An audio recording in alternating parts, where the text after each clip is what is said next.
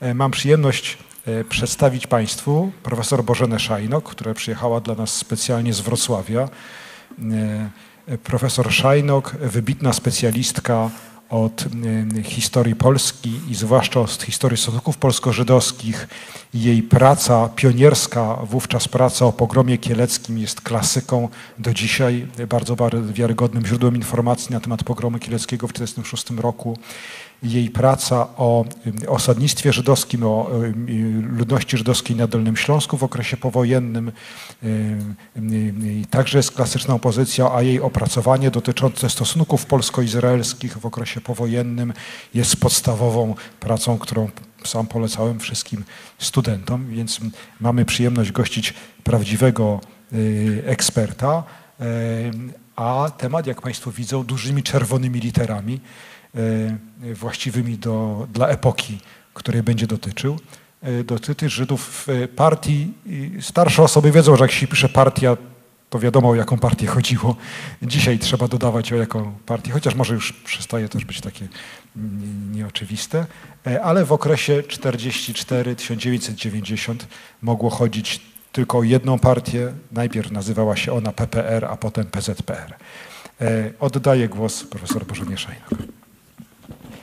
Dziękuję za takie miłe przedstawienie. Dziękuję Państwu za przyjście e, na ten dzisiejszy wykład. E, będę chciała dzisiaj Państwu opowiedzieć w ciągu najbliższej godziny o bardzo trudnej tematyce, o stosunku partii komunistycznej w Polsce wobec Żydów, ale także będę chciała opowiedzieć Państwu, jaka, jaka była postawa Żydów wobec tej żydowskiej e, polityki, którą prowadziła e, partia. I dzisiejszy wykład chciałabym rozpocząć od kilku e, cytatów, które pochodzą ze wspomnień tuż powojennych, ze wspomnień, które powstały na początku 1945 roku. Anna Kowalska, pisarka, zapisała w swoich dziennikach rozmowę ze znajomą, w czasie której pojawiło się stwierdzenie, o wzrastającym antysemityzmie w Polsce i ten antysemityzm miał być spowodowany tym, że Żydzi zajmują wszystkie miejsca w propagandzie, że są bojowo prosowieccy i prorosyjscy. I fragment innych wspomnień, których autorem jest Hugo Steinhaus, matematyk pochodzący z rodziny żydowskiej, który zanotował taką informację. W prezydium Rady Ministrów Żydzi mają 80% posad, to samo na innych wyższych stanowiskach. Jeszcze przykłady pytań najczęściej zadawanych w 1944-1945 roku na różnego rodzaju e, spotkaniach. Te pytania brzmiały tak. Dlaczego rządzą u nas Żydzi? Dlaczego w Polsce na wysokich stanowiskach jest tak dużo Rosjan i Żydów? Jak widać z tych zapisów, z tych cytatów, e, które przed chwilą przywołałam, E, utożsamienie nowej władzy komunistycznej z ludnością żydowską dość szybko pojawiło się e, w tej rzeczywistości wolnej od okupacji niemieckiej. Tak jak mówiłam wcześniej, te cytaty pochodzą z, 40, z początku 1945 roku. Temat naszego dzisiejszego spotkania dotyczy relacji Żydzi-partia, ale oczywiście wiadomo, że będę mówiła o relacji Żydzi-władza komunistyczna, ponieważ tę władzę reprezentowała właśnie e, Polska Partia Robotnicza, a później Polska Zjednoczona e, Partia Robotnicza. I nie ma wątpliwości, że to jest temat, który wywołuje różne emocje e, i także w tej problematyce spotykamy bardzo wiele uproszczeń. Nie jest to łatwa problematyka, nie jest to łatwy temat, dlatego chciałabym rozpocząć y, tę moją, tę moją opowieść o relacjach partia Żydzi od doprecyzowania pewnych pojęć, które będą pojawiać się w czasie mojego wystąpienia. Y, rozpocznę od doprecyzowania na potrzeby naszego spotkania pojęcia partia.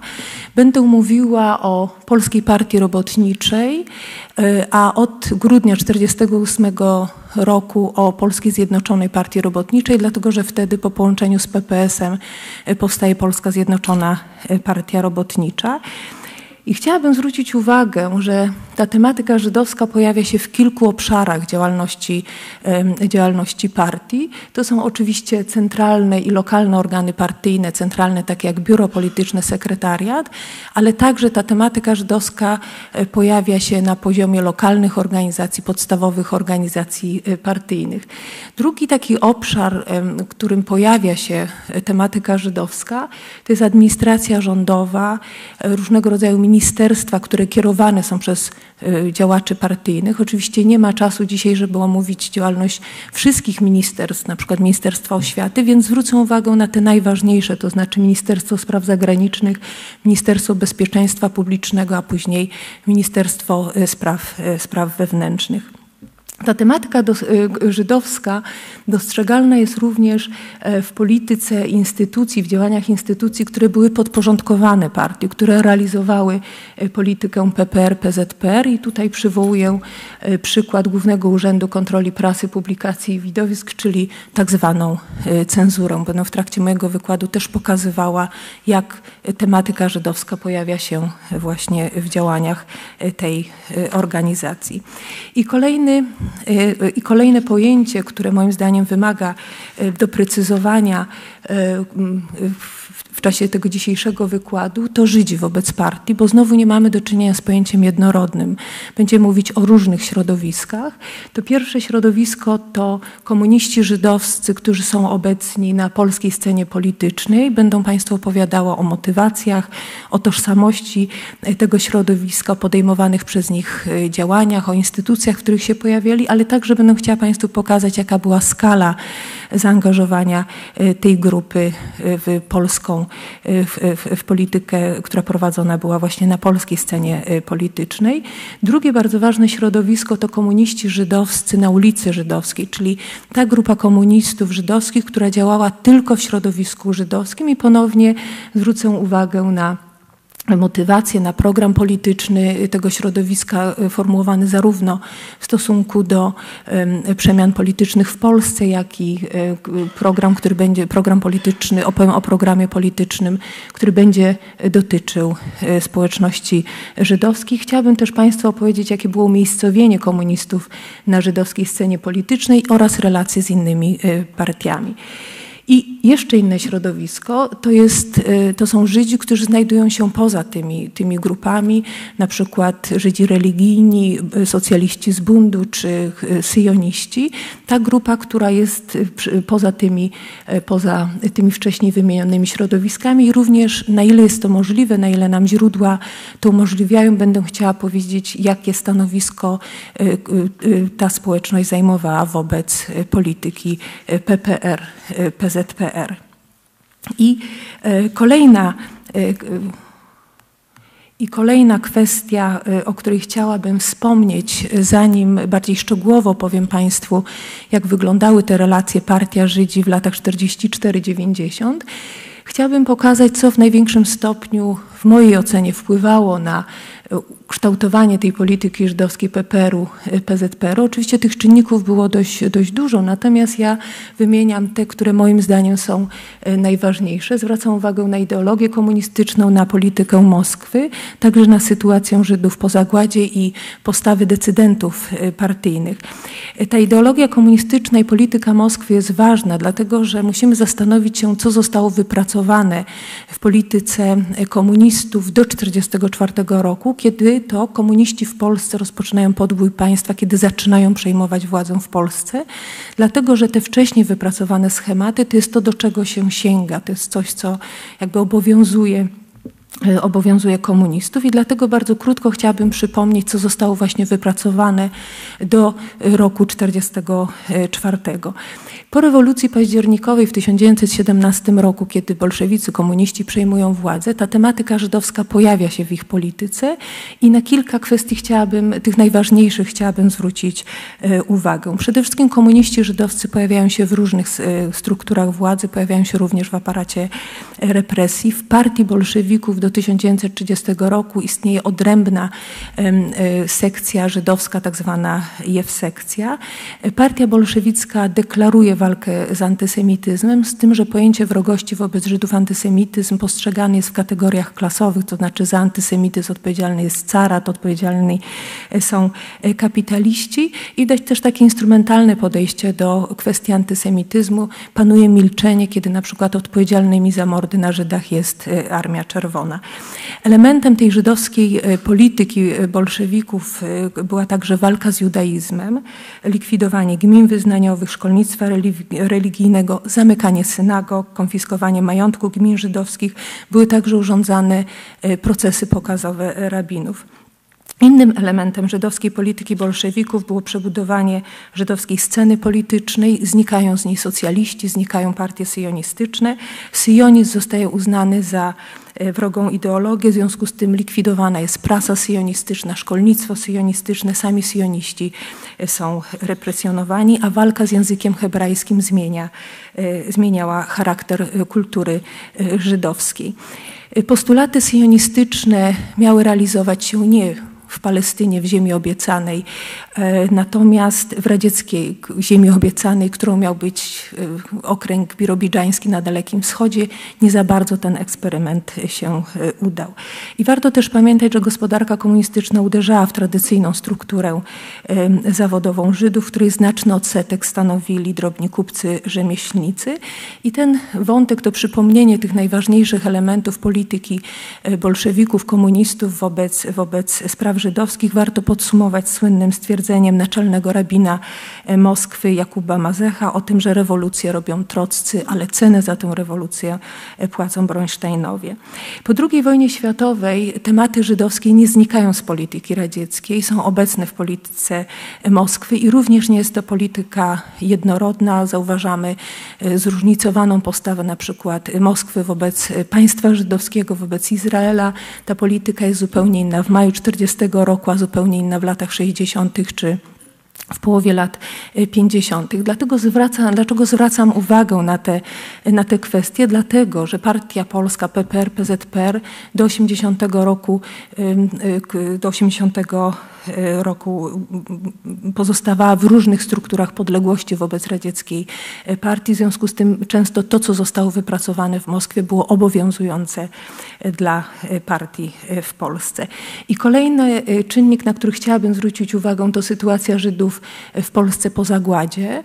Były problemy, którymi należało natychmiast się zająć, gdzie nie, gdzie nie istniały regulacje Moskwy i bardzo często w tym momencie ta polityka żydowska prowadzona przez partię zależała od postawy decydentów partyjnych, czy mieli pozytywny stosunek do Żydów, czy byli antysemitami. Także ten, y, y, ta, ta grupa decydentów, decydentów partyjnych została również, została tutaj również y, uwzględniona. I chciałabym również zwrócić Państwa uwagę, jak zróżnicowana była ta polityka żydowska prowadzona przez partię. Również to nie jest pojęcie jednorodne, pojawia się wiele różnych problemów, które tworzyły tę politykę żydowską. Nie będę ich wymieniała, one zostały tutaj na tym slajdzie e, wypisane. Chciałabym tylko zwrócić uwagę, że w różnych okresach od 1944 do 1989 roku partia prezentowała e, wobec tych problemów i stanowisko pozytywne, i stanowisko negatywne, i często stanowisko dość e, niejednoznaczne. I teraz jeszcze ostatni wątek dotyczący e, chronologii. Będę opowiadała Państwu, jak wyglądały te relacje partia wobec Żydów, Żydzi wobec partii e, od lipca 1944 roku, czyli od momentu, kiedy zaczyna się powojenna e, Polska. Połowa przedwojennego terytorium Polski w tym czasie jest pod administracją radziecką, a mnie będzie interesowało tylko to, co się dzieje na terenie Polski powojennej, a ta powojenna Polska zaczyna się w lipcu 1944 roku na Lubelszczyźnie. Kończę w styczniu, tą moją opowieść na styczniu 90 roku, kiedy 11 zjazd Polskiej Zjednoczonej Partii Robotniczej decyduje, decyduje o rozwiązaniu e, partii. I chciałabym zwrócić uwagę na kilka momentów w tym, w tym okresie, które wyraźnie różnią się między sobą kiedy mówimy właśnie o y, tej tytułowej naszej y, tematyce Partia, Partia Żydzi. Ten pierwszy moment to y, lipiec 44-47, rok 1947. E, okres tuż powojenny, kiedy wypracowana jest ta polityka e, partii wobec, wobec tych nowych zupełnie tematów żydowskich. Drugi e, okres lata apogeum komunizmu w Polsce, stalinizmu w Polsce, kiedy partia ma, naj, ma największą możliwość realizacji swojego, swojego programu politycznego i ten drugi okres różni się bardzo znacząco od tego okresu tuż powojennego. Następnie krótki okres odwilży, ale bardzo nasycony tematyką żydowską, o czym będę dzisiaj e, mówiła. Później okres e, małej stabilizacji albo małej destabilizacji, lata 57, 60, 66. No i oczywiście e, nie muszę wyjaśniać, dlaczego lata 67, 68 zostają potraktowane jako osobne, osobne zagadnienie. E, ostatni moment w tej e, mojej refleksji o relacji Partia Żydzi e, to oczywiście ostatnie dekady PRL-u, lata 70. i 80. No i zaczynamy tę opowieść o partii wobec Żydów od okresu tuż powojennego. Chciałabym pokazać Państwu, jakie tematy E, pojawiły się e, w tej polityce żydowskiej Polskiej Partii Robotniczej w latach 44-47. Zacznę od deklaracji. Te pierwsze deklaracje władzy komunistycznej były bardzo pozytywne wobec ludności żydowskiej. W pierwszym takim najważniejszym e, dokumencie programowym, manifestie Polskiego Komitetu Wyzwolenia Narodowego, to był program pierwszego komunistycznego rządu, zapowiadano prawne, faktyczne równouprawnienie dla ludności żydowskiej, odbudowę jej egzystencji. Dostrzegano także wyjątkowość losu żydowskiego w czasie e, zagłady. I ta odbudowa e, i ten postulat odbudowy życia żydowskiego pojawiał się nie tylko w deklaracjach, ale również był realizowany. Kiedy pojawiła się koncepcja, aby na Dolnym Śląsku stworzyć osadnictwo żydowskie, to ten pomysł spotkał się z poparciem władz centralnych, również władz, władz lokalnych, czyli nie tylko na poziomie deklaracji, ale również praktyki realizowane było wsparcie dla odbudowy życia e, żydowskiego. E, kolejna pozytywna postawa, którą zauważamy w, e, w polityce żydowskiej Polskiej Partii Robotniczej, to, to kwestie dotyczące emigracji. Nastroje migracyjne po II wojnie światowej były bardzo silne na ulicy Żydowskiej. Bardzo dużo Żydów chciało z Polski wyjechać. Te przyczyny wyjazdów były bardzo różne, wiązały się i z doświadczeniem zagłady i z tym, że Polska była postrzegana jako cmentarz, e, także z powodu antysemityzmu e, chciano e, z Polski wyjechać. I te silne nastroje emigracyjne powodowały, że Żydzi wyjeżdżali z Polski legalnie, ale także nielegalnie. I partia wobec tej emigracji zajęła stanowisko pozytywne, to znaczy umożliwiała wyjazd, również przez palce patrzyła na emigrację nielegalną, na Bricha, tak określana była ta emigracja nielegalna Żydów z Polski. Jeden e, z organizatorów e, tej nielegalnej emigracji opowiadał mi kiedyś w Izraelu, że partia miała wszelką możliwość, żeby zatrzymać tę nielegalną emigrację Żydów z Polski, natomiast tego, tego nie zrobiła. I bardzo ważnym momentem w polityce emigracyjnej partii w tym okresie jest oczywiście emigracja po pogromie Żydów w Kielcach w lipcu 1946 roku po takim nieoficjalnym porozumieniu między władzami syjonistycznymi a władzą komunistyczną umożliwiono z Polski wyjazd i wówczas wyjechał, wyjazd Żydów i wówczas w ciągu kilku miesięcy z Polski wyjechało około 70 tysięcy tysięcy Żydów. Później ta polityka emigracyjna stopniowo się zmieniała, właściwie jesienią 1946 roku została już mocno ograniczona. I nawet jeżeli deklarowano e, przyzwolenie dla emigracji legalnej, to w coraz, coraz bardziej krytycznie, negatywnie wypowiadała się partia na temat, e, na temat tej emigracji chaotycznej, czy wypowiadała się przeciwko podsycaniu nastrojów emigracyjnych na ulicy żydowskiej. Kolejny wątek, który pojawia się w polityce partii, to instytucje żydowskie. Tu również mamy pozytywne stanowisko PPR-u. Jest zgoda na odrodzenie instytucjonalnego życia żydowskiego w Lublinie, a później w pozostałych miastach na terenie powojennej Polski. Tworzone są różnego rodzaju organizacje żydowskie, związki zawodowe, możliwy jest rozwój szkolnictwa żydowskiego, życia kulturalnego. Jest zgoda partii na tego typu, na tego typu e, działalność. Również e, jest możliwość e, prowadzenia działalności przez żydowskie zrzeszenia religijne, które zastępują przedwojenne gminy wyznaniowe.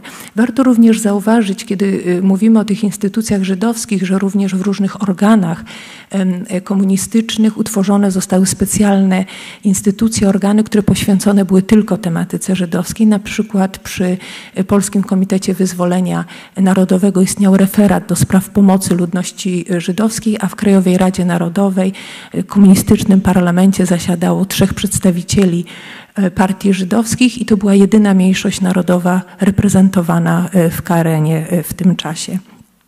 Partie polityczne, kolejny wątek i również pozytywne stanowisko y, partii e, komunistycznej wobec, wobec tego zagadnienia. W Polsce po wojnie istnieje 11 partii, e, partii żydowskich. Trzy działają nielegalnie, nie uzyskały rejestracji ze strony Ministerstwa Administracji Publicznej, ale również partia przez palce patrzy na działalność tych nielegalnych partii, na przykład Aguda Izrael, religijna partia, której odmówiono rejestracji właściwie w sposób nieskrępowany prowadzi swoją działalność w okresie e, tuż e, powojennym. E, kolejny ważny wątek to zgoda na, na, działalność na terenie Polski zagranicznych organizacji żydowskich i tych, które zajmowały się organizowaniem emigracji do Palestyny, ale także organizacji bardzo ważnej, pomocowej, charytatywnej, organizacji Żydów amerykańskich Joint. Latem 1945 roku pozwolono na wznowienie działalności jointu w Polsce. Ten joint będzie się przewijał w trakcie dzisiejszego wykładu. E, jeszcze parę razy będę o nim e, wspominała. I kolejny wątek idea utworzenia państwa żydowskiego. Po zakończeniu działań wojennych ten pomysł, żeby utworzyć państwo żydowskie w Palestynie, pojawia się w zupełnie nowym kontekście. Związany jest z tym, że bardzo duża grupa Żydów uważa, że należy zbudować państwo żydowskie, dlatego że zagłada pokazała, że w momencie, kiedy mordowano Żydów, nie znalazła się żadna siła, która mogła wstrzymać zagładę. W związku z tym trzeba zbudować własne państwo żydowskie, które będzie dbało o swoich obywateli. I te nastroje syjonistyczne są niezwykle silne w Polsce powojennej i komuniści w Polsce zajmują pozytywne stanowisko wobec tej idei utworzenia państwa żydowskiego, aczkolwiek sami z siebie nie zabierają głosu w tej sprawie. Dopiero jak pod koniec 1945 roku zostają wywołani do odpowiedzi pytaniem ze strony Żydów amerykańskich, to y, mówią, że Żydzi mają prawo do utworzenia własnego państwa, że jeżeli będą chcieli wyjeżdżać do, do, do Palestyny, to oczywiście y, władze nie będą przeszkadzały w tej, w tej emigracji, a w 1947 roku, kiedy na forum Organizacji Narodów Zjednoczonych Y, decydują się losy państwa żydowskiego w związku z decyzjami o podziale Palestyny. Delegacja polska y, jak najbardziej popiera dążenia, dążenia żydowskie. Oczywiście jest to już zgodne w tym momencie z polityką Moskwy, która również y, popiera ideę utworzenia państwa żydowskiego na terenie Palestyny. Natomiast jak obserwujemy te wypowiedzi delegatów polskich, to widać, że to nie jest tylko realizacja pewnej polityki, tylko widać takie emocjonalne zaangażowanie w tę tę, w tę kwestię, co spotyka się oczywiście z dużym poparciem, entuzjazmem ze strony żydowskiej. Tu warto wspomnieć bardzo piękne przemówienia Ksawerego Pruszyńskiego na forum ONZ, właśnie przemówienia, w których jednoznacznie popierał dążenia, dążenia żydowskie. I kolejny wątek, który pojawia się w polityce partii w tym okresie, to kwestia zagładu, stosunkowanie się do historii, stosunkowanie się do przeszłości. No i tutaj mamy już pewną taką niejednoznaczną postawę, postawę partii, dlatego że z jednej strony dostrzeżona jest zagłada, urządzane są kolejne uroczystości, które upamiętniają powstanie Żydów w getcie warszawskim, ale jednocześnie jednocześnie ten partyjny opis zagłady wpisuje się w ówczesną sytuację polityczną, to znaczy mówi się o robotniczym charakterze powstania, o tym, że powstańcy walczyli o demokrację, o tym, że tylko komuniści pomagali powstańcom w getcie, a rząd w Londynie, armia krajowa zachowywała się biernie wobec tego powstania, a także brała udział w mordowaniu Żydów. Czyli pojawiają się również wątki związane z ówczesną walką, walką polityczną. I kolejna kwestia, o której warto wspomnieć, to towarzysze żydowscy. To znaczy towarzysze żydowscy obecni na polskiej scenie politycznej, jak i działacze Y, którzy pracują tylko w środowisku y, żydowskim, czyli działacze frakcji PPR i tutaj to stanowisko jest właściwie takie niejednoznaczne. Ta macierzysta partia w niewielkim stopniu zajmuje się y, działaczami frakcji. Oni mają duży żal do PPR-u, że, że są właśnie tak marginalizowani. Właściwie w 1945 roku jest pewne takie napięcie między tymi towarzyszami żydowskimi, którzy pracują na ulicy Żydowskiej, a, a Polską Partią Robotniczą. Z czasem te stosunki zostają zostają, są poprawniejsze. Natomiast pewnym problemem dla partii są towarzysze żydowscy, którzy pojawiają się na polskiej scenie politycznej. I tutaj mamy kilka postaw. Mamy postawę głównie działaczy przedwojennej komunistycznej partii Polski, którzy e, są w dobrych stosunkach z towarzyszami żydowskimi. Zresztą no, wspólnie przed II wojną światową prowadzili działalność komunistyczną w Polsce. Jest zrozumienie dla losu żydowskiego, zrozumienie dla doświadczenia zagłady, ale również w partii pojawiają się takie głosy, że lepiej, żeby Żydzi z Polski wyjechali, bo ich obecność utrudnia walkę, walkę, walkę z z reakcją. E, I mamy również odnotowaną postawę jednej z ważniejszych postaci e, w Polskiej Partii Robotniczej, w tym czasie Władysława e, Gomułki, któremu wyraźnie przeszkadzają towarzysze żydowscy. To znaczy priorytetem dla Gomułki jest to, aby partia, Polska Partia Robotnicza była postrzegana jako partia polska, w związku z tym Prowadzona jest taka polityka ukrywania towarzyszy żydowskich. Są naciski partii, żeby przyjmować polskie nazwiska. Są również dokumenty, dokumenty których wyraźnie Gomułka e, sugeruje, żeby usuwać towarzyszy żydowskich z tej, z tej pierwszej linii działalności partyjnej. Zarzuca im złą wymowę czy zły e, wygląd. I tak jak powiedziałam, no ta postawa wobec właśnie, wcześniej powiedziałam, ta postawa wobec towarzyszy żydowskich nie jest, nie jest jednoznaczna. Kolejny bardzo ważny problem, który pojawia się e, w polityce e, partii wobec Żydów, który jest jednym z ważniejszych problemów e, społeczności żydowskiej po II wojnie światowej, to oczywiście antysemityzm i znowu mamy taką niejednoznaczną postawę partii wobec, wobec tego zagadnienia. Z jednej strony mamy jednoznaczne potępienie antysemityzmu w różnych deklaracjach, jednoznaczne potępienie przez partię e, antysemityzmu, ale z drugiej strony mamy też uwikłanie antysemityzmu w ówczesną walkę polityczną, a mianowicie przypisanie wrogości wobec Żydów tylko e, szeroko rozumianej opozycji e, antykomunistycznej, na przykład po pogromie w Krakowie czy po pogromie Żydów w Kielcach, kiedy jeszcze nie, jest, nie są zakończone, nie jest zakończone. Śledztwo, już Gomułka czy inni działacze partyjni y, twierdzą, że odpowiedzialność za pogrom w Kielcach ponosi Mikołajczyk, PSL, Anders czy rząd w Londynie czy Kościół katolicki, więc Mamy również taką niejednoznaczną e, postawę wobec, wobec e, e, antysemityzmu i te wątki instrumentalizacji tematyki żydowskiej, które pojawiają się jako ostatnie na tym slajdzie, no właśnie występują i w postawie wobec antysemityzmu, czy w, w tym partyjnym opisie, opisie zagłady. I kolejna kwestia, to jakie stanowisko wobec tej polityki e, e, PPR-u zajmowali komuniści żydowscy. Zacznę od komunistów, którzy działali na polskiej scenie politycznej. Na kilka kwestii chciałabym zwrócić uwagę. Przede wszystkim, co to było za środowisko, jakie były motywacje, dlaczego oni włączyli się w pracę na polskiej scenie politycznej i te motywacje związane są przede wszystkim z wyborami, które dokonywane były już przed wojną. Te decyzje o, o tym, żeby pozostawać w powojennych strukturach władzy były po prostu rezultatem decyzji, które podejmowano przed rokiem 1939. Po drugie o zbliżeniu z władzą komunistyczną decydowało powojenne przesunięcie na lewo światopoglądu politycznego, a także to było dostrzegalne również w Europie Zachodniej, a także pozytywne dla Żydów w Polsce deklaracje nowej władzy, o których wspominałam wcześniej.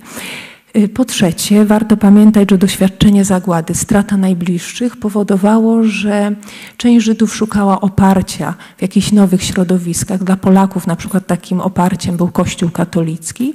Dla niektórych Żydów takie oparcie znajdowano w strukturach nowej władzy, w milicji, w wojsku czy w Urzędzie Bezpieczeństwa. Po czwarte, doświadczenie wojenne było przyczyną, że szukano odwetu. Chciano walczyć z, z pozostałościami faszyzmu. To jest oczywiście fragment to jest oczywiście cytat i, i, e, wydawało się, że tę walką w największym stopniu właśnie prowadzi nowa e, władza. E, po piąte, warto zwrócić uwagę na losy wojenne części, części działaczy komunistycznych, którzy po wojnie byli aktywni na polskiej scenie politycznej, którzy znaleźli się właśnie na terenie Związku Radzieckiego i później służyli w dywizji kościuszkowskiej w Ludowym Wojsku Polskim i po przyjściu do Polski po w Polsce powojennej jakby to kolejne miejsce pracy było po prostu y, konsekwencją tych wcześniejszych, wcześniejszych wyborów, ale także warto zwrócić uwagę, że y, o wstąpieniu do MO czy wojska decydować mogły także inne względy, na które zwraca uwagę Alina Skibińska, pisząc, że mundur, stanowisko, dostęp do broni dawało poczucie y, bezpieczeństwa. Także te kwestie decydowały, że część ludności żydowskiej właśnie decydowała się na działalność na polskiej scenie e, politycznej. I kolejny bardzo trudny wątek, kwestia tożsamości żydowskich komunistów obecnych na polskiej scenie politycznej. Temat trudny, dlatego że też źródła historyczne, źródła nam nie ułatwiają opisu tej e, tematyki. E, w różnego rodzaju ankietach tych osób, e, które, komunistów żydowskich, którzy pracowali na polskiej scenie politycznej, znajdujemy różne deklaracje o ich przynależności do bądź narodu właśnie polskiego, bądź do narodu żydowskiego. Także musimy pamiętać, że ta decyzja o zmianie nazwiska, o pozostawaniu przy nazwisku polskim, pozostawaniu przy papierach na przy nazwiskach z lat wojny, czy przyjęcie w związku właśnie z polityką partii polskiego nazwiska nie musiało wiązać się z rozstaniem z tożsamością żydowską. To były różne sytuacje, niezwykle zróżnicowane i na przykład Julia Brystygierowa nie zmieniła nazwiska, natomiast w swoich kwestionariuszach wpisywała zarówno narodowość żydowską, jak i narodowość polską. Izaak Fleischfarb, który pod koniec 1944 roku stał się Józefem Światło przyjął polskie e, przynajmniej po wojnie deklarował przynależność do narodu, narodu żydowskiego. I kolejny e, wątek, o którym, kolejny temat, o którym chciałabym powiedzieć, to e, kwestia szacunków szacunków dotyczących e, obecności komunistów żydowskich na polskiej scenie e, politycznej. Nie będę wchodziła w szczegółową analizę tych szacunków, tylko chciałabym powiedzieć, jakby co z nich, z, z nich wynika. Po pierwsze, że liczba komunistów żydowskich jest mocno zróżnicowana w poszczególnych organach, instytucjach władzy, pojawiają się zarówno w biurze politycznym, jak i w różnych organach aparatu represji. Po drugie, zauważalna jest nadreprezentacja komunistów żydowskich na stanowiskach kierowniczych, na przykład w aparacie bezpieczeństwa. I po trzecie, w powojennej społeczności żydowskiej komuniści żydowscy, którzy działają na polskiej scenie politycznej, są marginesem społeczności Żydów e, mieszkających w Polsce po II wojnie światowej.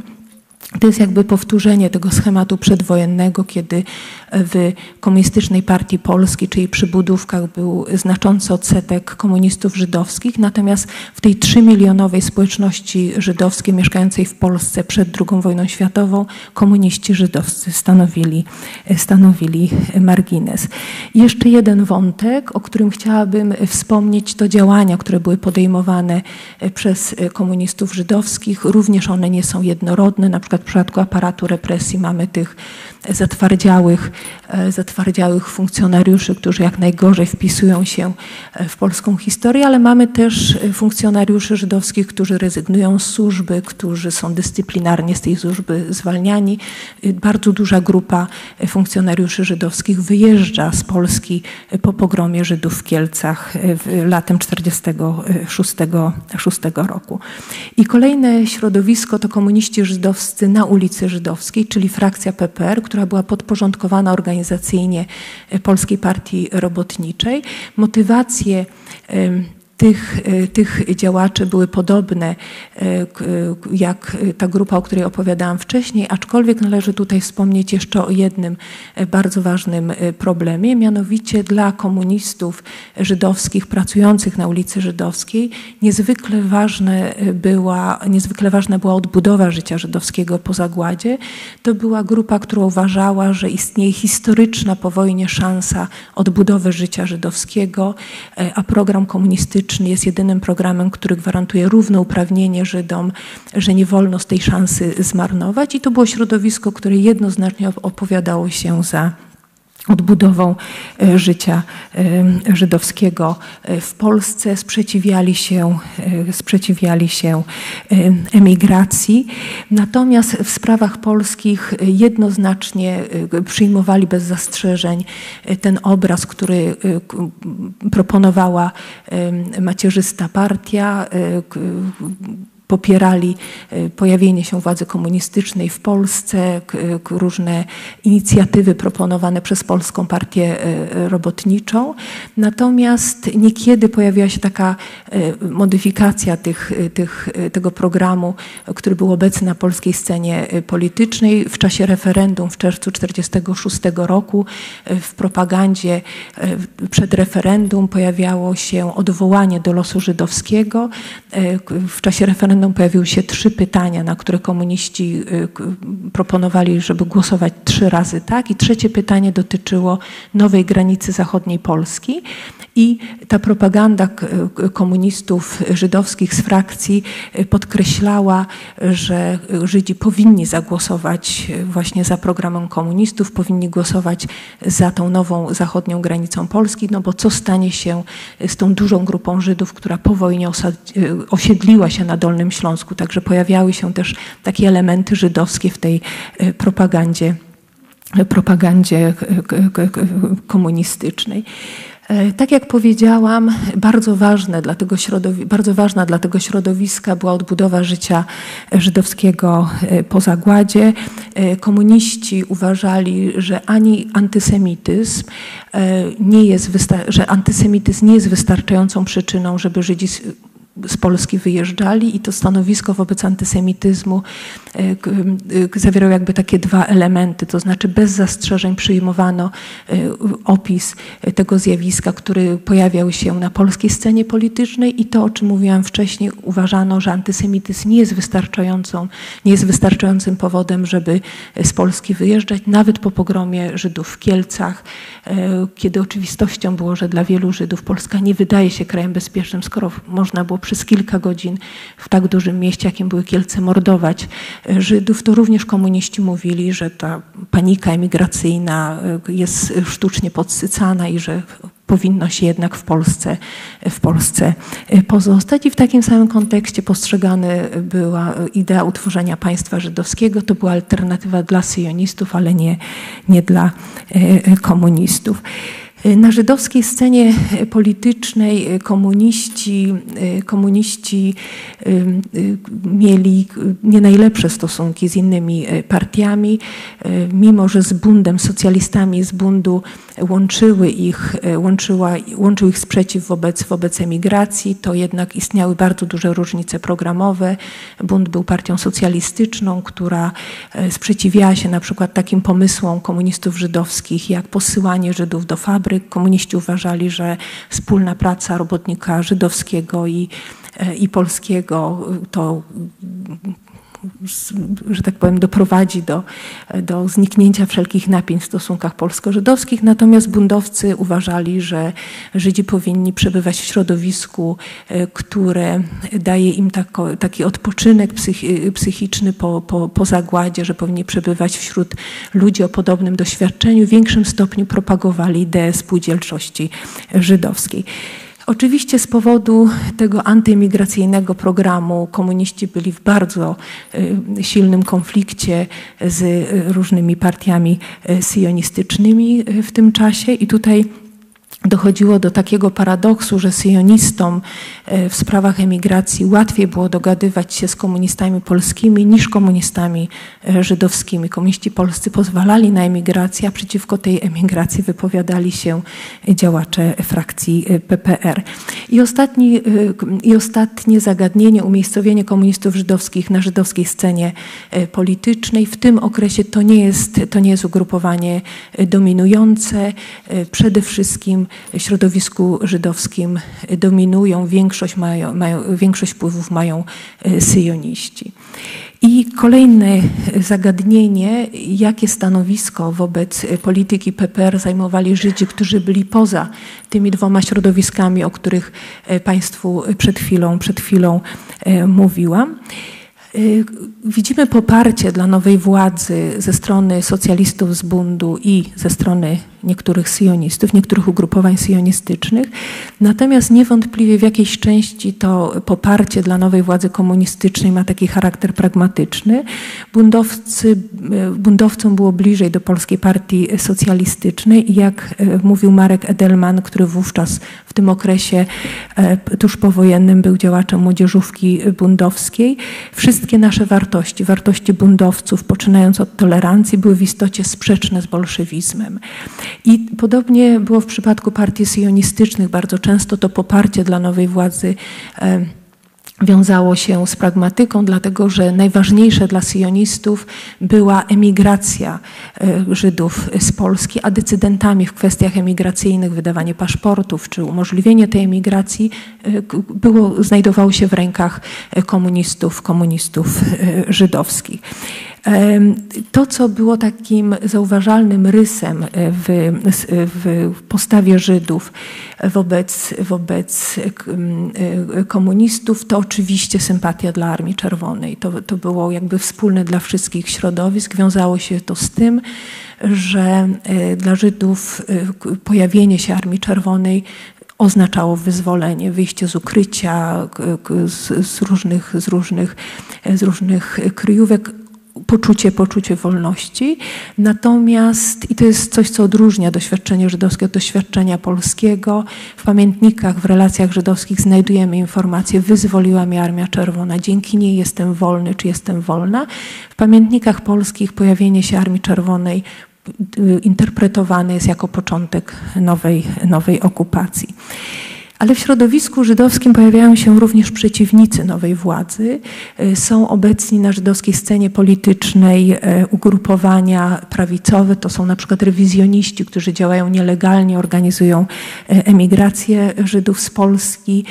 Obecne jest środowisko lewicowych sionistów, tak zwanych Azjatów, którzy w czasie wojny znaleźli się w Związku Radzieckim i to ich doświadczenie przebywania na nieludzkiej ziemi wiązało się z tym, i to jest cytat z Kachka Cukiermana, że to środowisko żywiło nienawiść do wszystkiego, co radzieckie, uzasadniali to swoimi przeżyciami, znajomością radzieckiej rzeczywistości. Dyskredytowali każdego, kto był związany ze Związkiem Radzieckim lub komunizmem. Te podziały na ulicy Żydowskiej były dostrzegane przez różnych ważnych działaczy partyjnych, którzy mówili o tym, że ulica Żydowska podzielona jest między zwolenników Polski Demokratycznej i to jest cytat żydowskie czynniki ultrareakcyjne sprzyjające tak zwanemu rządowi londyńskiemu. I ten opis potwierdza analiza wyników referendum okazuje się, że znacząca grupa Żydów zagłosowała przeciwko programowi komunistów, nie głosowała e, trzy razy tak, co również było dostrzeżone przez komunistów żydowskich i po referendum oni apelowali, że należy zmienić, należy jakby zintensyfikować walkę, walkę na ulicy, na ulicy żydowskiej.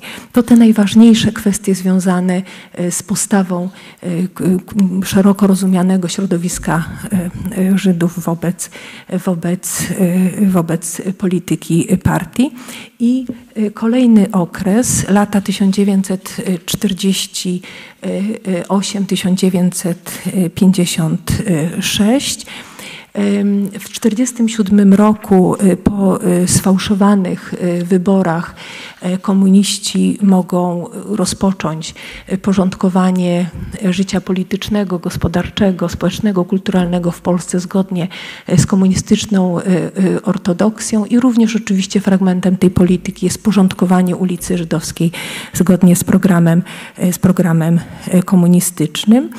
Bardzo ważnym czynnikiem, który wpływa na politykę partii w tym czasie jest oczywiście zmiana polityki Moskwy wobec ludności żydowskiej wobec e, państwa Izrael. Tu warto wspomnieć o tych najgłośniejszych e, przykładach tej e, polityki. Oczywiście sprawa lekarzy kremlowskich, czystki antysemickie, prześladowania ludności żydowskiej i zerwanie stosunków dyplomatycznych przez Związek Radziecki z Izraelem w lutym 1953 roku. Ta polityka Moskwy była oczywiście z różną dynamiką wprowadzana wprowadzana e, do krajów Europy Środkowo-Wschodniej, także, e, także w Polsce. E, pierwsze sygnały zmian były już dostrzegalne pod koniec 1947 roku, natomiast taką historią, która dobrze nam pokazuje, jak zmieniała się polityka partii wobec Żydów, to jest historia pawilonu żydowskiego na wystawie ziem odzyskanych we Wrocławiu latem 1948 roku. Ta wystawa ziem odzyskanych to był taki propagandowy bardzo znaczący projekt komunistów w Polsce. Ta wystawa miała pokazać, że Polacy mają prawo do tych ziem zachodnich, północnych, które po wojnie zostały przyłączone do Polski i w trakcie organizowania tej wystawy zaproponowano e, żydowskim mieszkańcom Dolnego Śląska, żeby przygotowali swój własny pawilon żydowski na tej wystawie, który miał obrazować wkład Żydów również w zasiedlenie, w zasiedlenie e, tych, e, tych w, w, w urządzenie, w zasiedlenie tych, tych ziem. Ten pawilon został przygotowany, ta, ten pomysł spotkał się z takim dużym poparciem ze strony, ze strony Żydów mieszkających na Dolnym Śląsku. I y, w lipcu 1948 roku przyjechała z Warszawy taka ostatnia wizytacja, która y, miała przeglądnąć, y, przyjrzeć się tej wystawie przed oficjalnym, przed oficjalnym otwarciem i zadecydowała, że ten pawilon żydowski ma zostać zlikwidowany, eksponaty przeniesione do pawilonów polskich. Pojawiła się taka argumentacja, takie wyjaśnienie, że taki pawilon to byłby dobry w Izraelu, ale nie w Polsce. No i oczywiście dla Żydów była to wyraźna sugestia, że coś się zmienia w polityce w polityce e, partii, e, part, e, w polityce partii wobec, wobec Żydów.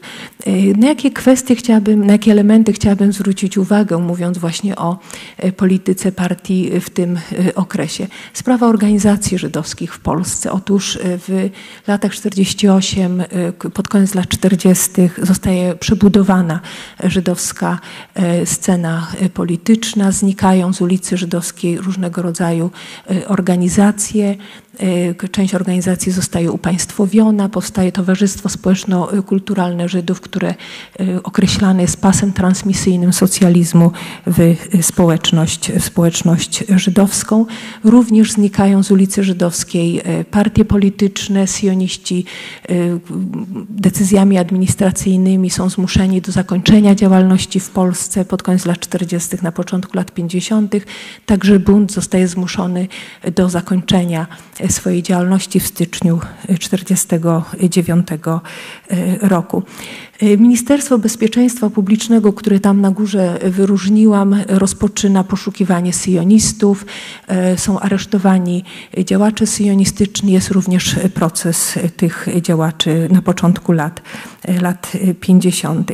Do zakończenia swojej pracy w Polsce zostaje zmuszony joint w 1949 roku Żydzi zostają pozbawieni, Żydzi w Polsce zostają y, pozbawieni y, pomocy, y, pomocy, pomocy z zewnątrz. I y, po utworzeniu y, państwa Izrael, to jest kolejny wątek, który pojawia się y, w polityce partii wobec Żydów, po utworzeniu państwa Izrael w maju 1948 roku, początkowo partia bardzo zajmuje takie pozytywne stanowisko wobec Izraela, są nawiązane, jest uznane państwo Izrael, są nawiązane stosunki dyplomatyczne, ale już jesienią 1948 roku widać, że ta polityka się zmienia, a Izrael zaczyna być opisywany jako to oczywiście cytat, wroga agentura imperialistyczna na Bliskim Wschodzie. I ta nowa y, antyizraelska postawa manifestowana jest w różny sposób. To są działania Ministerstwa y, Spraw y, Zagranicznych, prowadzona jest inwigilacja dyplomatów izraelskich, a w 1952 roku poseł Izraela w Polsce, Arię Kubowy, zostaje uznany za persona non grata i zmuszony do wyjazdu, do wyjazdu z Polski. Tym działaniom towarzyszy antyizraelska propaganda, która pojawia się i na łamach prasy polskiej, i na łamach prasy żydowskiej. Ze zmianą stanowiska partii wobec Izraela wiąże się kwestia emigracji. Tu pewne zaskoczenie, dlatego że jesienią 1949 roku partia pozwala na emigrację Żydów do Izraela w ramach tzw. Tak opcji na rzecz państwa Izrael, z tym, że e, są e, e, wymienione grupy, które powinny z Polski wyjechać. I to oczywiście cytat, elementy klerykalne i element nieproduktywny. Ten element nieproduktywny to były osoby chore i osoby, i osoby osoby starsze. Na e, emigrację zdecydowało się ponad 20 tysięcy e, Żydów, około 15 tysięcy deklarowało, e, dalsze 15 tysięcy deklarowało chęć wyjazdu, ale nie uzyskało pozwolenia, pozwolenia na, na wyjazd. Kolejna kwestia, o której chciałabym wspomnieć, mówiąc o polityce partii wobec Żydów w tym okresie, to towarzysze żydowscy i ponownie widać taką niejednoznaczną postawę y, polskich komunistów wobec towarzyszy żydowskich. Pojawia się wątek nadreprezentacji towarzyszy żydowskich w partii. To, jest, to są chociażby wypowiedzi Władysława Gomułki, a po odsunięciu Gomułki y, od władzy pojawia się pojawia się kwestia y, żydowskiej kliki, która miała, y, która miała y, powstać wokół Bolesława Bieruta i wpływać na jego, na, jego, na jego działania. Także ta wrażliwość na towarzyszy żydowskich jest dostrzegalna również, również w tym okresie i pokazywała po raz kolejny, że jednak narodowość miała znaczenie w partii komunistycznej. Innym wątkiem w opisywanej tematyce, kiedy mówimy o towarzyszach żydowskich, to oczywiście kwestia represji wobec żydowskich komunistów w bloku w bloku wschodnim, w bloku komunistycznym. Takim sztandarowym przykładem jest oczywiście sprawa Rudolfa Sleńskiego, żydowskiego komunisty, sekretarza generalnego Komunistycznej Partii Czechosłowacji, aresztowanego w 1951 roku, skazanego na śmierć w pokazowym procesie w 1952 roku. I ta sprawa Sleńskiego powodowała, że komuniści żydowscy no, nie czuli się pewnie w tym, w tym okresie. Takim kandydatem na e, polskiego Sleńskiego był, był Jakub Berman, Berman. Do tego procesu nie doszło, aczkolwiek jak pokazują dokumenty Ministerstwa Bezpieczeństwa Publicznego, pewne przygotowania były, były y, prowadzone i y, te działania były prowadzone przez innych towarzyszy żydowskich. Między innymi realizatorem tej polityki był y, Józef Światło, który po śmierci Stalina, po zmianie polityki radzieckiej, odsunięciu Berii w czerwcu 1953 roku decyduje się na ucieczkę, na ucieczkę z Polski. Jak w opisywanej sytuacji przedstawia się sytuacja komunistów żydowskich na ulicy y, Żydowskiej? Y, od grudnia 1948 roku mówimy już nie o frakcji, ale o członkach PZPR w Towarzystwie Społeczno-Kulturalnym Żydów. Ci działacze y, przede wszystkim korzystają z tej zmienionej, z tej przebudowy żydowskiej sceny politycznej, z której, tak jak powiedziałam, znikają syjoniści, znikają, znika socjalistyczny bunt i największe wpływy od tego momentu właśnie na, w tym środowisku żydowskim mają komuniści komuniści żydowscy. E, ta grupa sprzeciwia się bardzo mocno w dalszym ciągu polityce emigracyjnej e, partii. E, w czasie opcji na rzecz państwa Izrael prowadzi kampanię antywyjazdową, agitację przeciwko wyjazdom na łamach prasy żydowskiej, partyjnej prasy żydowskiej zamieszczone są teksty przeciwko Izraelowi, postuluje się pozostanie w Polsce, pojawiają się także, są drukowane także listy, które pokazują, jak trudne jest życie w Izraelu. No, różnymi sposobami stara się wpłynąć na Żydów w Polsce, żeby nie podejmowali decyzji decyzji o wyjeździe. Podobnie e, jak komuniści żydowscy na polskiej scenie politycznej, to środowisko czuje się zagrożone w związku z tą antysemicką, antyżydowską polityką Stalina, tym bardziej, że na początku 1953 roku mają miejsce aresztowania.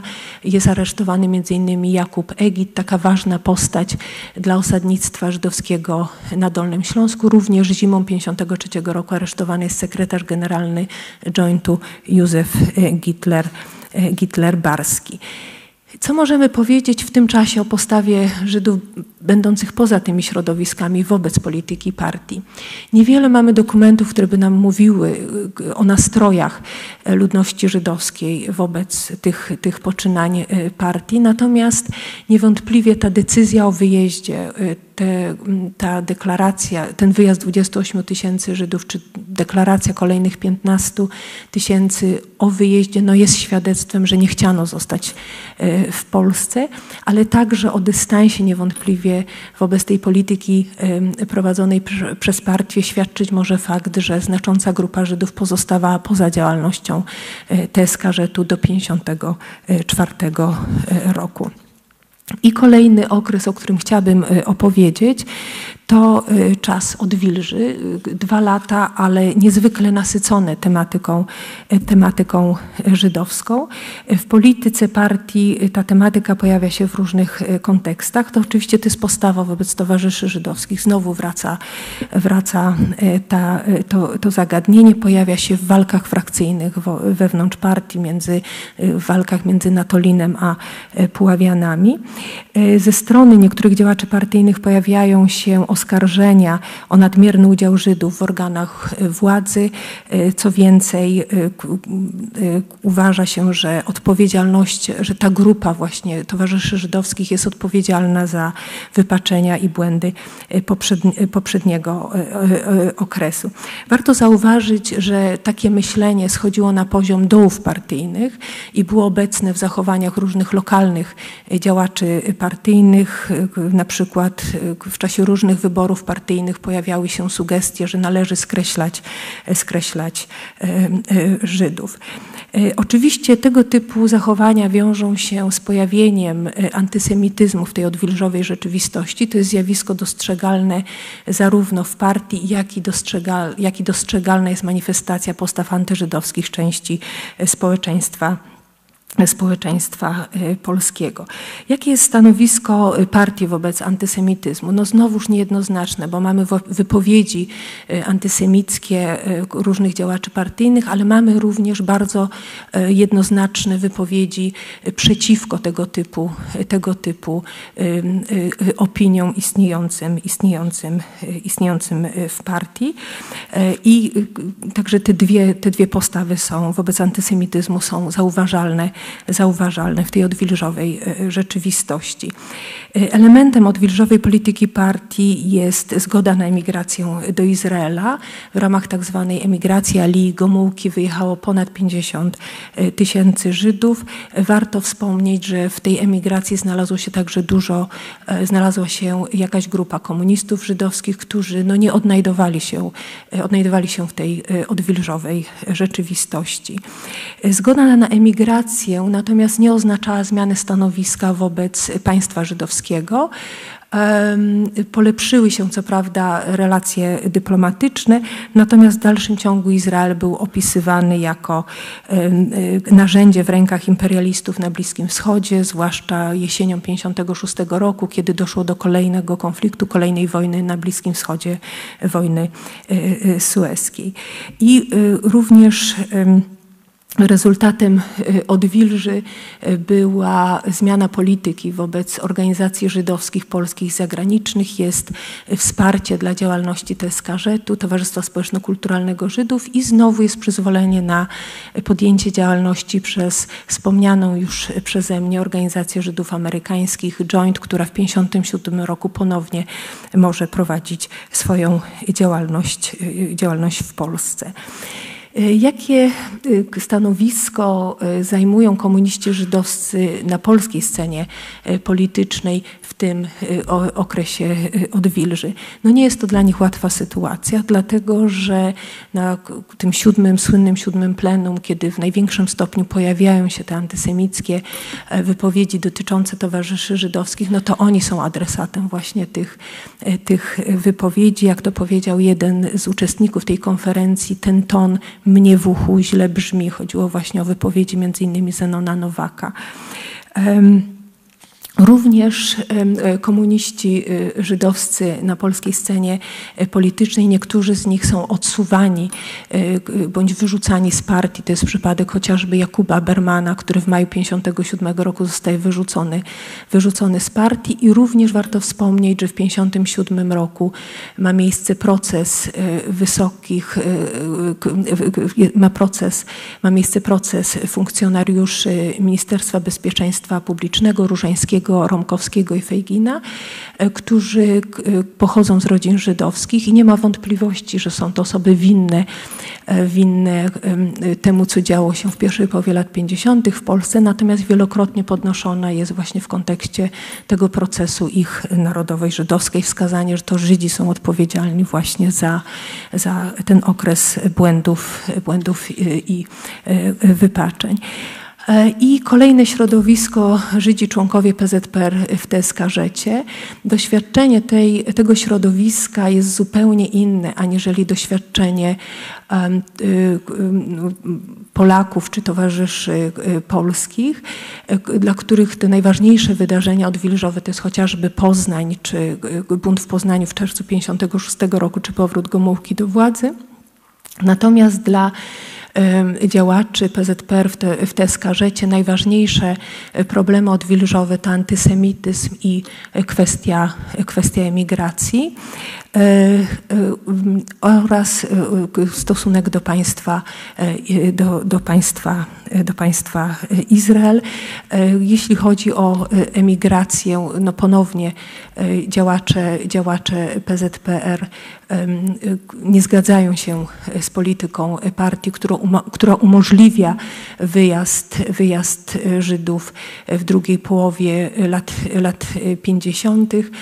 Uważają, że Żydzi powinni w Polsce e, w Polsce zostać. Natomiast w pełni e, korzysta to środowisko z, tej, z tych możliwości rozwoju stworzonych przez partię w połowie lat 50.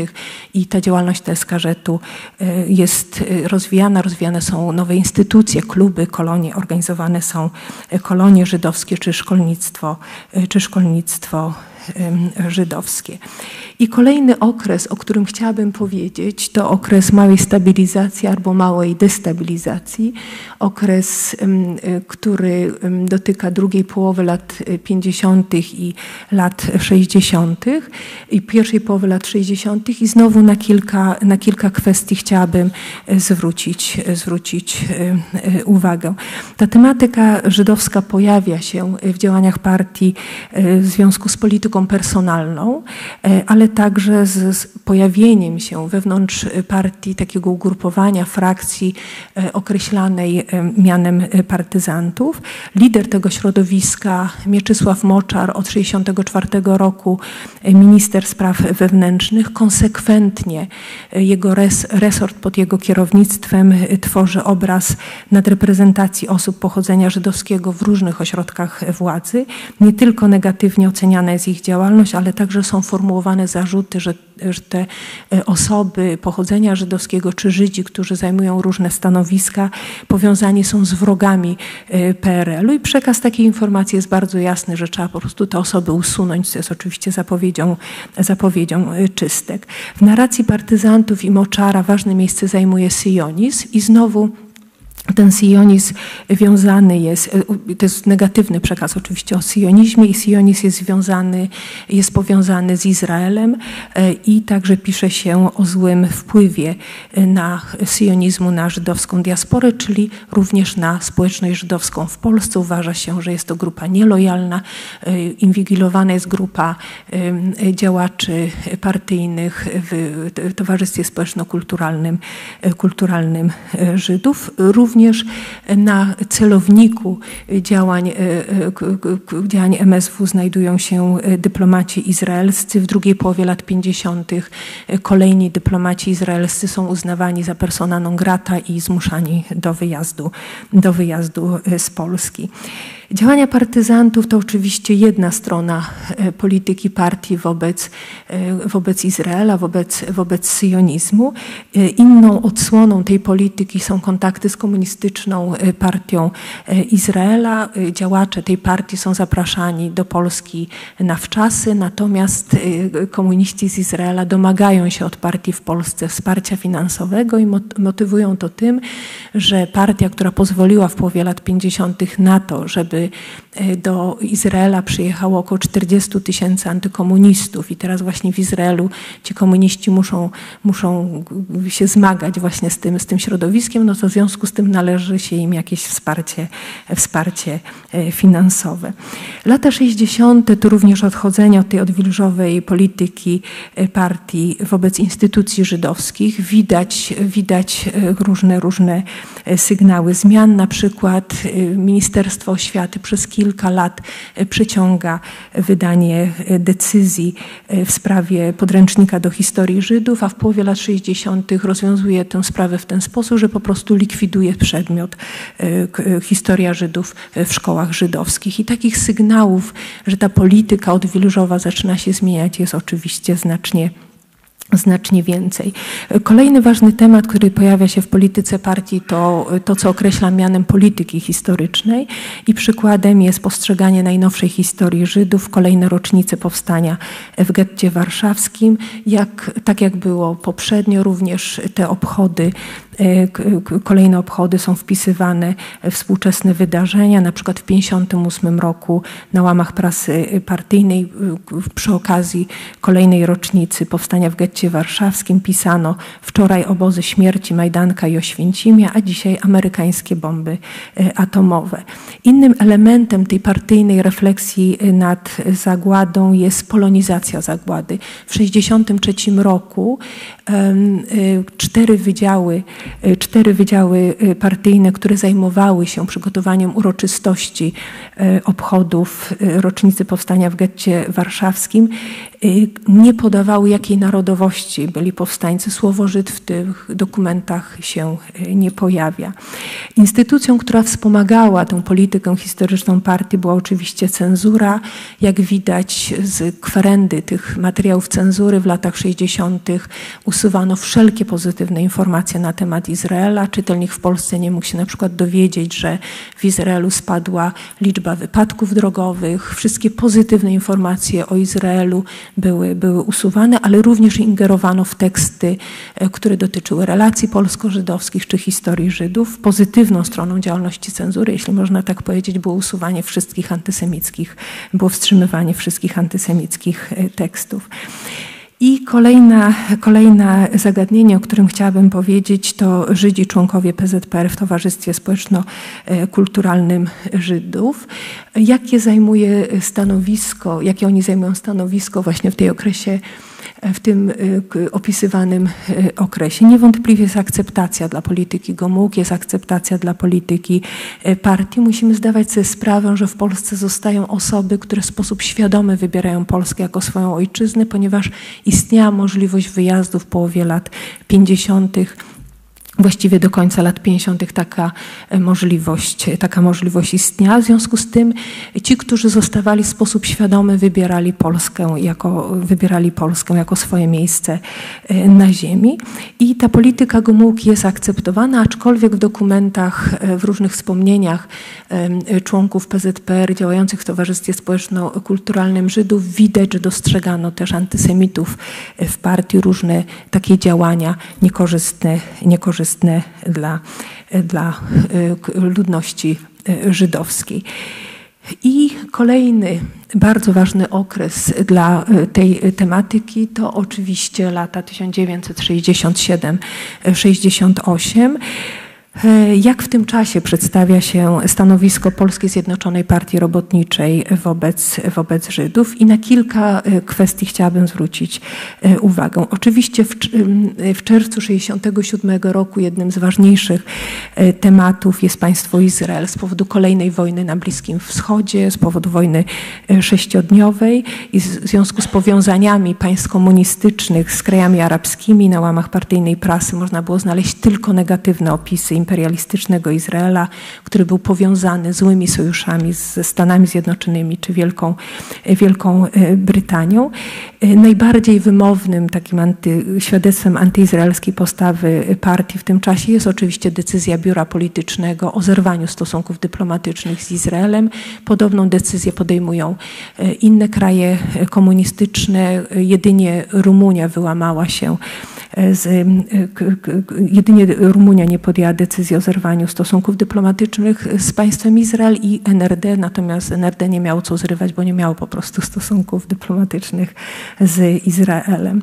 Ważnym elementem antyizraelskiej polityki PZPR były działania podejmowane przez Ministerstwo Spraw Wewnętrznych, dlatego wyróżniłam też ten podmiot na, na slajdzie. W tym czasie, w czerwcu 1967 roku ambasadą izraelską zajmował się więcej agentów niż ambasadą Stanów Zjednoczonych, Wielkiej Brytanii czy Francji. Funkcjonariusze Służby Bezpieczeństwa śledzili każdy krok dyplomatów izraelskich. Dzięki temu na przykład dzisiaj możemy dowiedzieć się, ile kupili maszynek do golenia w czerwcu 1967 roku. Ta antys, antysemityczna kampania, która została zapoczątkowana e, w czerwcu 67 roku, trwała do marca 68 roku. To nie było tak, że, ona została wygaszona. W dalszym ciągu na łamach e, prasy w Polsce pojawiały się antyizraelskie, antysionistyczne teksty, a w lutym 68 roku Gomułka, e, przywódca partii, zapewniał sekretarza generalnego syryjskiej partii komunistycznej, że to cytat w demaskowaniu syjonizmu. Nie trzeba agitować partii e, w Polsce.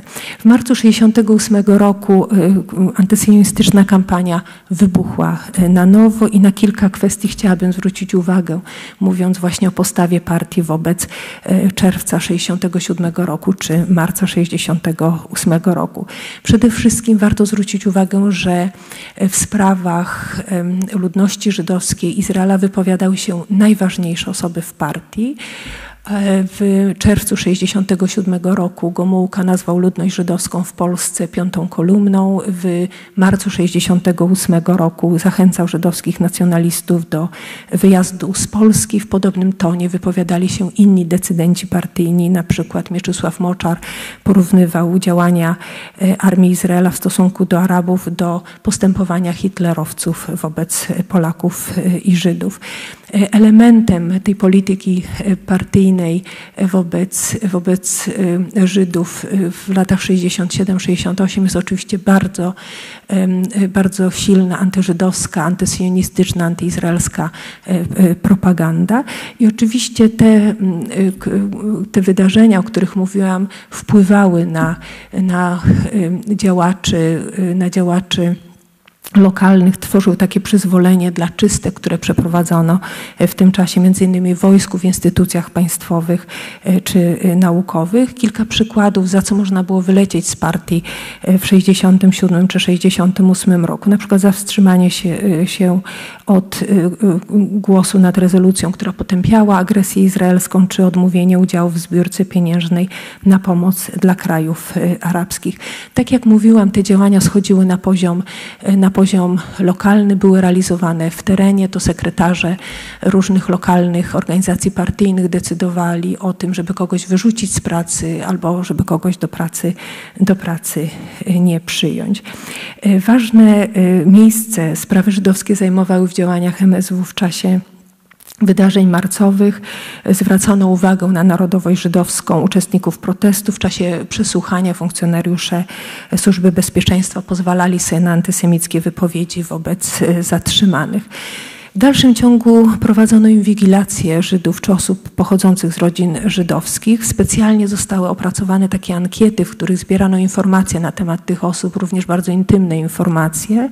Ja doliczyłam się w IPN-ie około 2,5 tysiąca takich, takich ankiet. Co więcej, inwigilacji podlegała także korespondencja między Polską a Izraelem. W jednym z dokumentów znajdujemy informację, że w 1968 roku opracowano 130 tysięcy listów, które wychodziły do Izraela, które były wysyłane do Izraela i przychodziły z Izraela do Polski, co znaczyło opracowanie e, tych 130 tysięcy listów. To znaczyło, że one były przeczytane. Mało tego, zakreślano te fragmenty, które zdaniem e, funkcjonariuszy Służby Bezpieczeństwa szkalowały PRL albo były jakimś tam zagrożeniem dla, dla PRL-u i te informacje były później umieszczane w tych ankietach, o których Państwu wcześniej, wcześniej mówiłam. W dalszym ciągu poszukiwano syjonistów. E, dzisiaj dość humorystycznie e, informacja, że na przykład w Grodzisku Mazowieckim ktoś znalazł dwóch syjonistów albo na przykład raporty z jakiegoś małego miasteczka, gdzie jakiś funkcjonariusz służby, służby bezpieczeństwa mówi, że mimo usilnych poszukiwań żadnego syjonisty nie znalazł.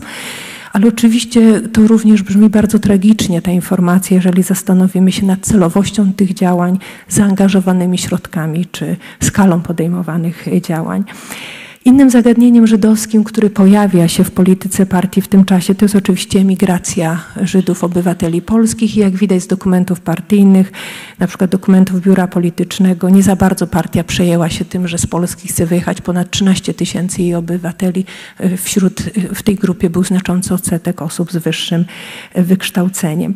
Po wyjeździe z Polski ponad 13 tysięcy Polaków żydowskiego pochodzenia, Żydów, zmienia się życie żydowskie w Polsce praca tu zostaje mocno y, ograniczona.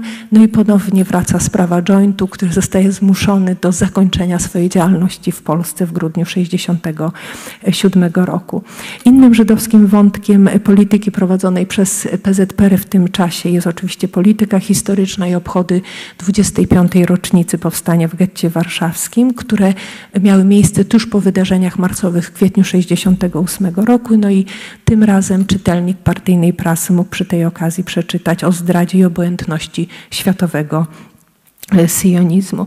I podsumowując tę e, część opisu stanowiska partii wobec Żydów, trzeba wspomnieć, że były w partii również inne postawy, znaczy byli działacze partyjni, którzy sprzeciwiali się e, temu, co w tym czasie było wizytówką partii, ale no nie do nich należał, nie oni byli decydentami, nie do nich należał głos, głos decydujący. I kolejne środowiska, o który, środowisko, o którym chciałabym powiedzieć, to Żydzi, członkowie PZPR w Towarzystwie Społeczno-Kulturalnym Żydów w Polsce i Żydzi w Polsce, jaka była ich postawa bo wobec tych wspomnianych przed chwilą, e, przed chwilą działań podejmowanych przez e, partię.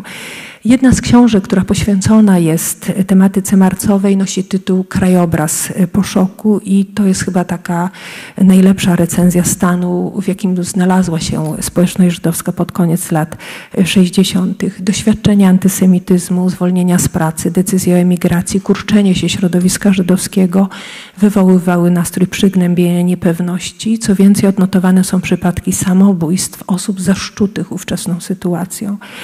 Wielu Żydów zajmowało negatywną postawę wobec stanowiska partii. TSKZ wyraźnie ociągał się z wydaniem rezolucji potępiającej państwo żydowskie w czerwcu 1967 roku. Podobne stanowisko TSKZ zajmował w czasie wydarzeń marcowych. W opinii MSW sporządzonej w kwietniu 1968 roku cały skład redakcji Folksztyme Gazety Żydowskiej z wyjątkiem jednej osoby stanął na stanowisku sprzecznym z polityką rządu e, rządu e, polskiego. Warto również e, wspomnieć o tym, jak ta polityka partii wpływała na losy uczestników wydarzeń marcowych, na te osoby, które właśnie były wskazywane, piętnowane w przestrzeni publicznej przez partię, bo musimy pamiętać, że właśnie ci syjoniści to byli konkretni, to byli konkretni ludzie chciałabym trochę też wspomnieć w tym momencie o ich doświadczeniu jak oni odbierali tę politykę partii. Seweryn Blumstein jeden z bohaterów Marca napisał w rocznicowym tekście o swoim doświadczeniu tego okresu takie słowa. Czytać o sobie w gazetach tyle obrzydliwości to było traumatyczne przeżycie. Gdzieś we mnie zapadły te inwektywy, zadecydowały o moim losie. Całe moje późniejsze życie było próbą pokazania, że to nieprawda. Inny uczestnik wydarzeń pisze, jak powoli dochodziła do niego myśl, że musi z Polski wyjechać. Cytuję. W kraju było ciemno i ponuro. Gomułka tak trwał i trwał i było coraz gorzej. Każdą próbę mojego działania można było ustawić w podejrzanym świetle tylko dlatego, że jestem z pochodzenia Żydem. Mogłem szkodzić sprawom, wartościom, z którymi czułem się związany. Nie widziałem środowiska, w którym mógłbym znaleźć wsparcie. Ludzie byli porozbijani, siedzieli w więzieniach i wtedy zwątpiłem w sens życia tam. Takie opisy kończą naszą refleksję o E, latach 67-68 e, e, ta społeczność żydowska jest społecznością pokaleczoną, rozbitą po tym doświadczeniu marcowym i w tych ostatnich dekadach PRL wydawać by się mogło, że właściwie te tematy żydowskie powinny zniknąć już z polityki partii, ale w dalszym ciągu one są obecne. Co więcej, pojawiają się w zupełnie nowych, nowych kontekstach i chciałabym, kończąc już właśnie o tym, o tym wspomnieć. Oczywiście stałym elementem polityki żydowskiej partii w tym czasie jest Izrael, mimo zerwania stosunków w dalszym ciągu w związku z kolejnymi konfliktami na Bliskim Wschodzie pojawiają się negatywne E, opisy e, państwa e, Izrael. Utrzymywane są natomiast kontakty z komunistyczną partią Izraela. Kolejny wątek, który pojawia się w polityce partii w tych dwóch ostatnich dekadach, to wspomniana już przeze mnie polityka historyczna. W dalszym ciągu istnieją zapisy cenzury na tematy dotyczące historii Żydów, stosunków polsko-żydowskich czy, czy Izraela. Po drugie, z manipulacją nad, nad przeszłością wiąże się polityka partii w sprawie badań naukowych i dostępu do archiwum. Y, na przykład y, partia decydowała o tym, jakimi tematami ma zajmować się Żydowski Instytut Historyczny. Jest taki dokument z początków lat 70., który właśnie o tym mówi. Elementem polityki historycznej było także nieudostępnianie historykom ważnych dokumentów. To jest na przykład moje doświadczenie w połowie lat 80., kiedy y, chciałam napisać pracę magisterską o pogromie Żydów w Kielcach. E, archiwum MSW e, przez kilka lat uniemożliwiało mi skorzystanie, skorzystanie z materiałów, które się w tym archiwum znajdowały. Dopiero możliwe stało się to po obradach Okrągłego Stołu. Co więcej, później już Robiąc kwerendę tych materiałów, znalazłam informację, że jeden z dziennikarzy, który w tym samym czasie co ja starał się o e, udostępnienie materiałów dotyczących e, pogromu Żydów w Kielcach, e, ta jego prośba wywołała zainteresowanie Służby Bezpieczeństwa i z tego powodu rozpoczęto inwigilację tej osoby. Zastanawiano się, dlaczego ona chce zajmować się właśnie problematyką kielecką. W kontekście polityki historycznej oczywiście warto wspomnieć o kolejnych obchodach rocznic powstania w getcie warszawskim, które były wpisane w określone, które były podporządkowane określonym celom politycznym i to upamiętnianie zagłady, też warto o tym pamiętać, miało charakter wybiórczy. Świętowano rocznicę powstania w getcie, a na przykład nie zgadzano się na przedstawienie martyrologii getta w Białym, w Białym Stoku. Kolejny problem, o którym warto wspomnieć, to y, zapisana na tym slajdzie instrumentalizacja tematyki żydowskiej. W połowie lat 70. wątki żydowskie wykorzystywane są w zakulisowych działaniach partii przeciwko opozycji, opozycji, która rodzi się w połowie lat 70. w Polsce. Partyjni działacze określają tę opozycję jako Żydzi z marginesu. Jan Józef Lipski w swojej książce na temat Komitetu Obrony Robotników pisze w ten sposób. Antysemityzm to cały rozdział historii zwalczania kory. Przypomina zwalczania koru. Przypomina rozmowy ostrzegawcze funkcjonariuszy SB z robotnikami Radomia i Ursusa, w czasie których mówiono, aby nie brali pieniędzy od Żydów z Koru. Przypomina antysemickie wyzwiska na komendzie MO. Pisze, takie, pisze także Jan Józef Lipski o wielkich napisach malowanych na płotach, murach zieloną farbą olejną, której kupno w sklepach było w tym czasie niemożliwe. Te napisy brzmiały Kor to Żydy. Wątki żydowskie były wykorzystywane także przez MSW dla skłócenia różnych środowisk opozycyjnych. Na jednej z narad służbowych w MSW zalecano eksponować to cytat w żydowskiej części koru narodowy charakter innej opozycyjnej grupy ruchu obrony praw człowieka i obywatela. Te działania partii miały oczywiście wpływ na, na jej członków w momentach kryzysowych, na przykład w 1977 roku komitety wojewódzkie partii informowały, że inspiratorami wrogich wystąpień są ludzie niepolskiego pochodzenia powiązani z ośrodkami syjonistycznymi. I tutaj jeszcze taka ciekawostka, jeszcze w styczniu 90 roku podczas ostatniego zjazdu partii niektórzy działacze do końca postrzegali zagrożenie cytat w farbowanych lisach marca 68 roku.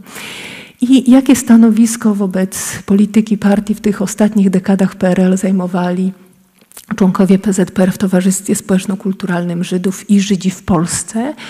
Y, oczywiście w przypadku tu prowadzone jest w dalszym ciągu y, działalność. W niewielkim stopniu dowiadujemy się o postawie tego środowiska wobec, wobec partii, natomiast zauważalne jest pojawienie się y, osób pochodzenia żydowskiego czy Żydów w różnych środowiskach opozycyjnych i oczywiście nie ma czasu, żeby bardziej szczegółowo opowiadać o tej kwestii. Chciałam tylko wspomnieć osobę Marka Edelmana, zaangażowanego w działalność Komitetu Obrony Robotników, inne inicjatywy opozycyjne i także przypomnieć, że w 1983 roku Marek Edelman y, odmówił wzięcia udziału w oficjalnych obchodach 40. rocznicy powstania w getcie warszawskim, obchodach, które były zorganizowane przez władze, wydawanych poza cenzurą tygodniku Mazowsze. Tak uzasadniał swoje stanowisko. Cytuję. Dlaczego nie biorę udziału w oficjalnych obchodach Bo uważam, że ludzie, którzy posługują się przemocą, ludzie, którzy chcą zakneblować naród i rzucić go na kolana, nie mają moralnego prawa czcić pamięci tych, którzy oddali życie w obronie wolności, godności i człowieczeństwa. I kończąc, chciałabym tylko jeszcze y, zwrócić Państwa uwagę, że y, w polityce partii wobec Żydów niektóre wątki, tak jak starałam się to wykazać w czasie tego wystąpienia, były takimi elementami stałymi, niektóre y, ulegały, ulegały zmianie. Natomiast niewątpliwie polityka partii miała wpływ na społeczeństwo, na społeczeństwo w Polsce i moim zdaniem no, nie przyczyniła się do zbliżenia polsko-żydowskiego. Dziękuję Państwu. よっ!